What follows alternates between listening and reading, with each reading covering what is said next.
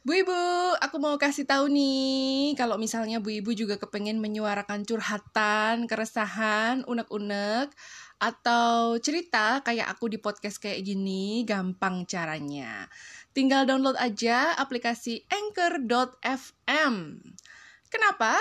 Karena aplikasi Anchor.fm ini punya fitur yang sangat mudah dipakai untuk langsung merekam suara, untuk mengedit, dan mempublish podcast dengan sangat gampang. Plus, langsung terkoneksi ke platform podcast universal seperti Spotify. Asiknya lagi nih, semuanya 100% gratis. Bu Ibu biasa kan ya, seneng sama yang geritong-geritong gitu. Yuk, cus langsung download aplikasi anchor.fm.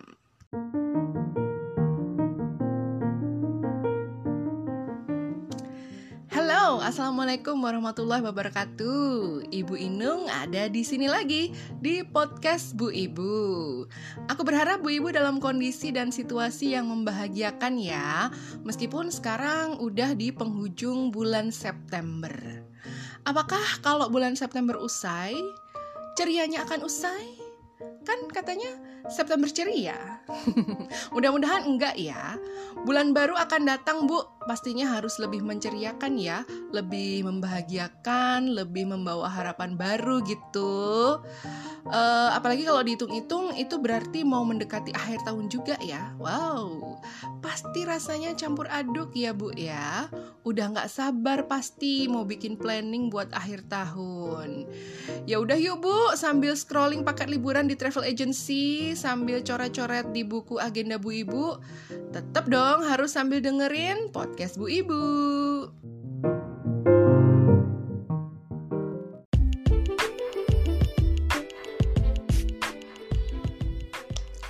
Bu Ibu, kalau kita tengok di sejarah bangsa kita, ada yang namanya peristiwa tragedi berdarah G30S PKI. Bu Ibu pasti juga udah hafal lah ya gimana sejarahnya itu. Tiap jelang tanggal 30 September pasti banyak bermunculan di berita-berita, di artikel internet, di medsos yang berhubungan dengan G30 SPKI. Eh tapi uh, kali ini aku nggak akan ngebahas itu Bu. Tapi aku juga mau ngomongin yang ada hubungannya dengan darah. Wah, darah apa? Darah siapa? Darah muda bu, kayak yang dibilang Bang Roma, Irama Darah muda, darahnya para remaja. Malah dangdutan. Tapi ini beneran loh bu, darahnya para remaja. Remaja putri khususnya. Belakangan ini Bu Ibu pasti juga tahu kalau banyak pemberitaan tentang darahnya para remaja putri.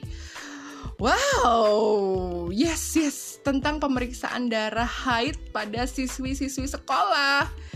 Ini jadi merebak ya, mengviral gitu karena diduga ada semacam pemaksaan ke siswi-siswi ini hanya untuk mengecek apakah mereka ini betul-betul sedang dalam masa haid.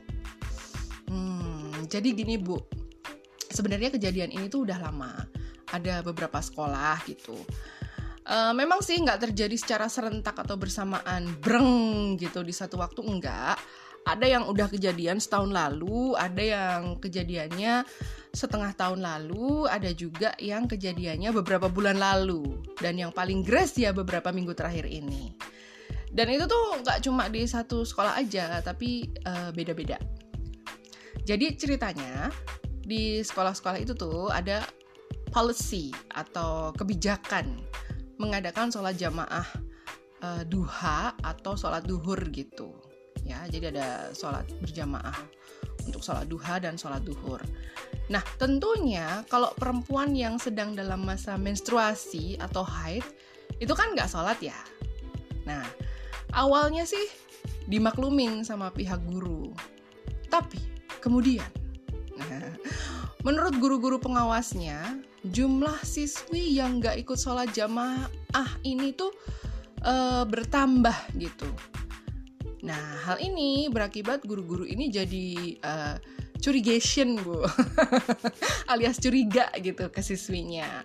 jangan-jangan jangan-jangan gitu ya jangan-jangan sebenarnya mereka itu males aja tapi pakai alasan lagi haid gitu wah curiganya kebangetan ya kan kalau di dalam agama Islam syariatnya mengatakan seorang wanita tidak boleh menjalankan sholat jika sedang haid karena tidak dalam keadaan suci.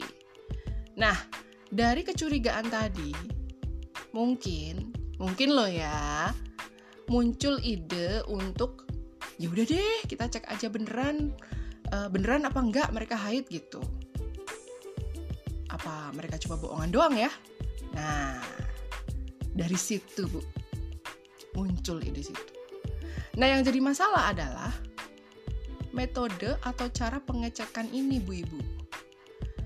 Yang kemarin rame banget di berita itu disebutin kalau siswi-siswi yang ngakunya lagi haid itu dikumpulin di ruang kelas tertutup terus diminta baris gitu terus diminta buka celana dalam.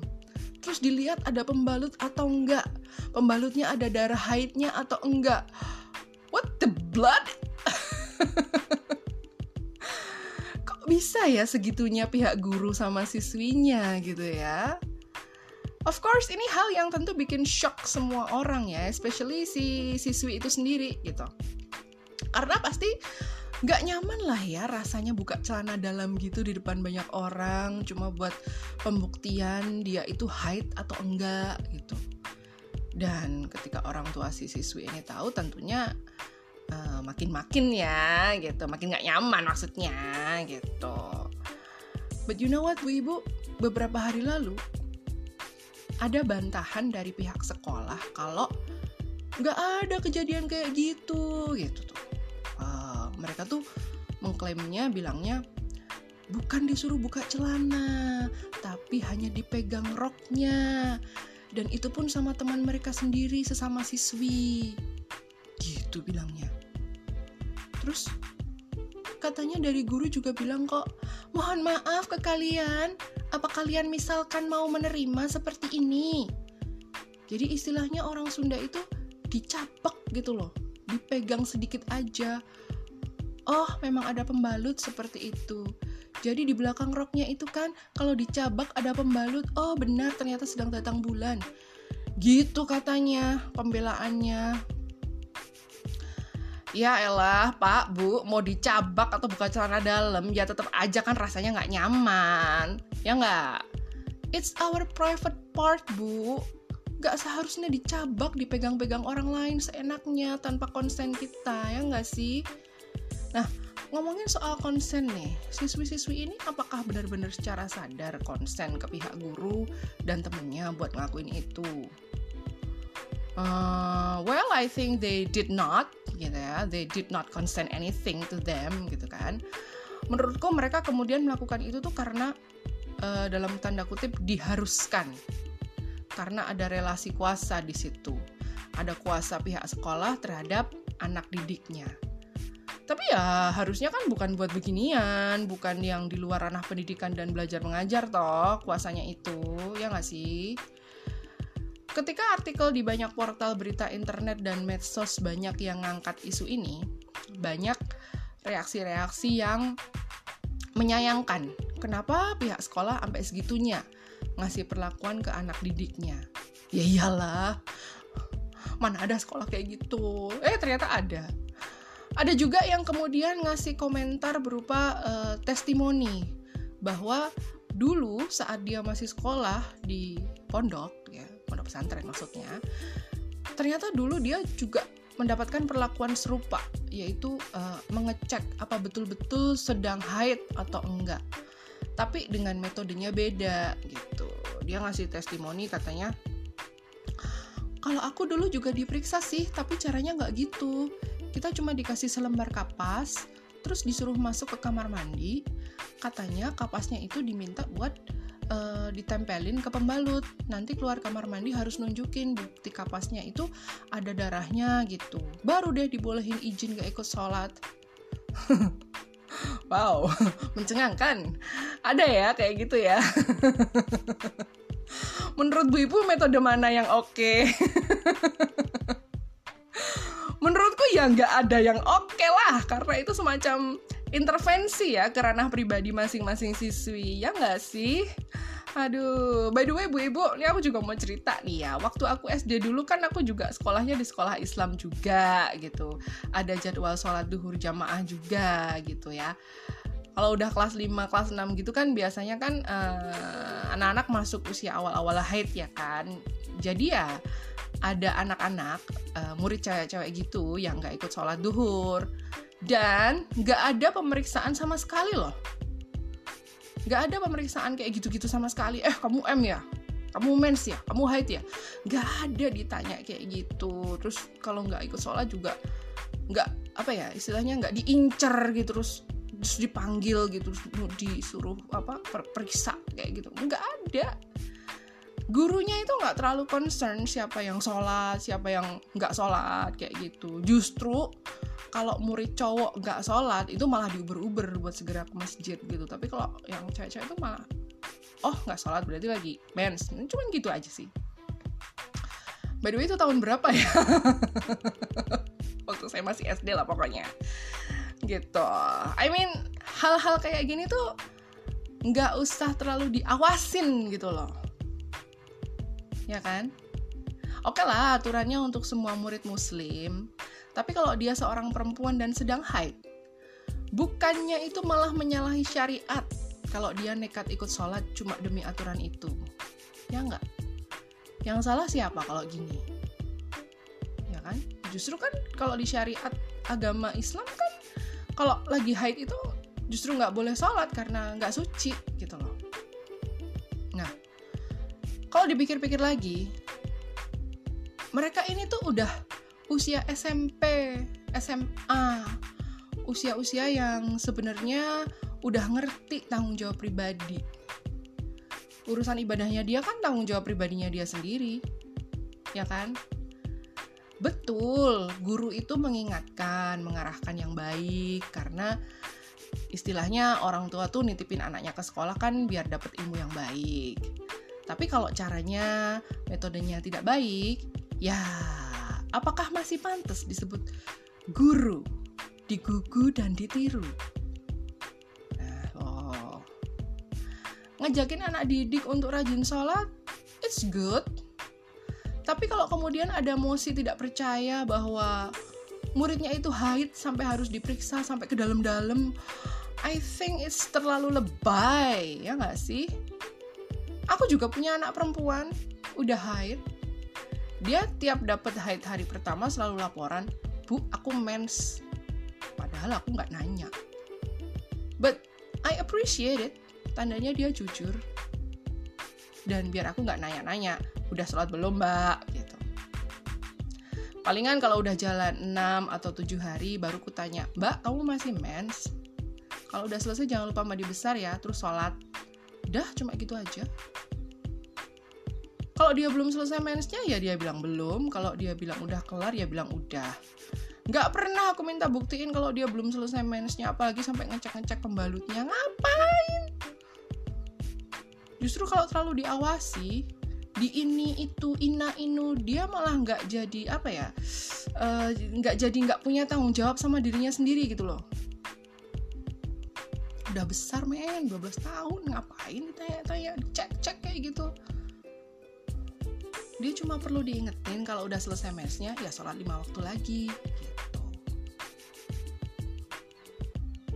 Bu ibu perkara menegakkan sholat di kalangan siswi aja malah berujung viral ya bu ya.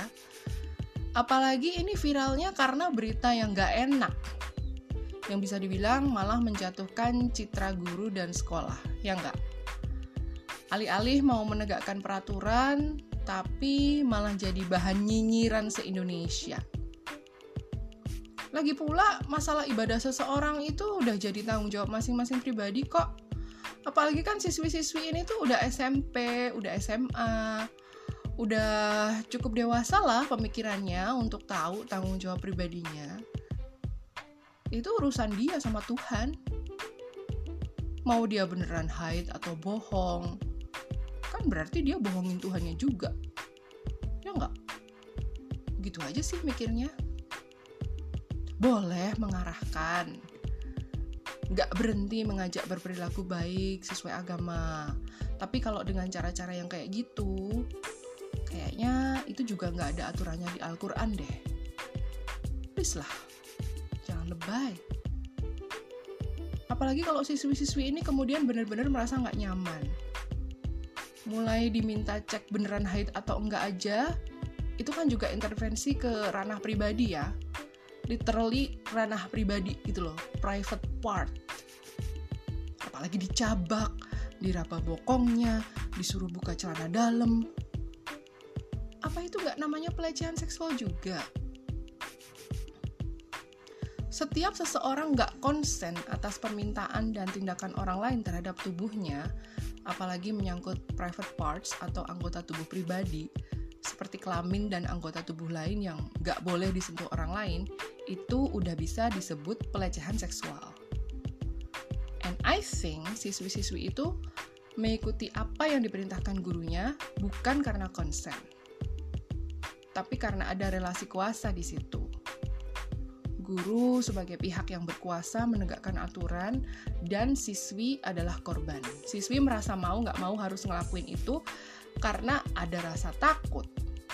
Jangan-jangan kalau aku nggak nurut, aku bakalan dapet hukuman. Bisa jadi pikirannya kayak gitu.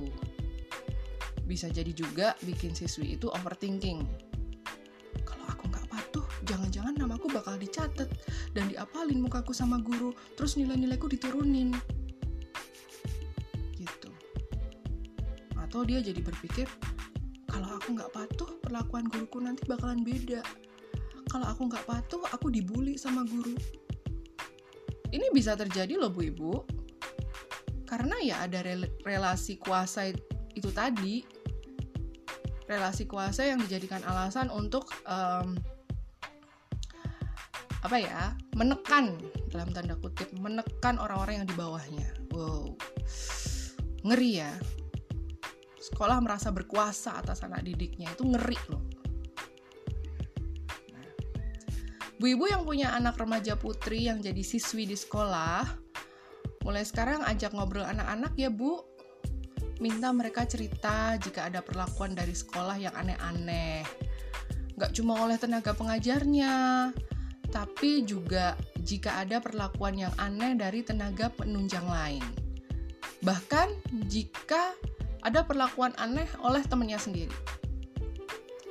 Jadi sebagai orang tua juga bisa gercep gitu, gerak cepat ambil tindakan supaya anak-anak bu ibu bisa selamat, bisa ngerasa aman dan nyaman di sekolah.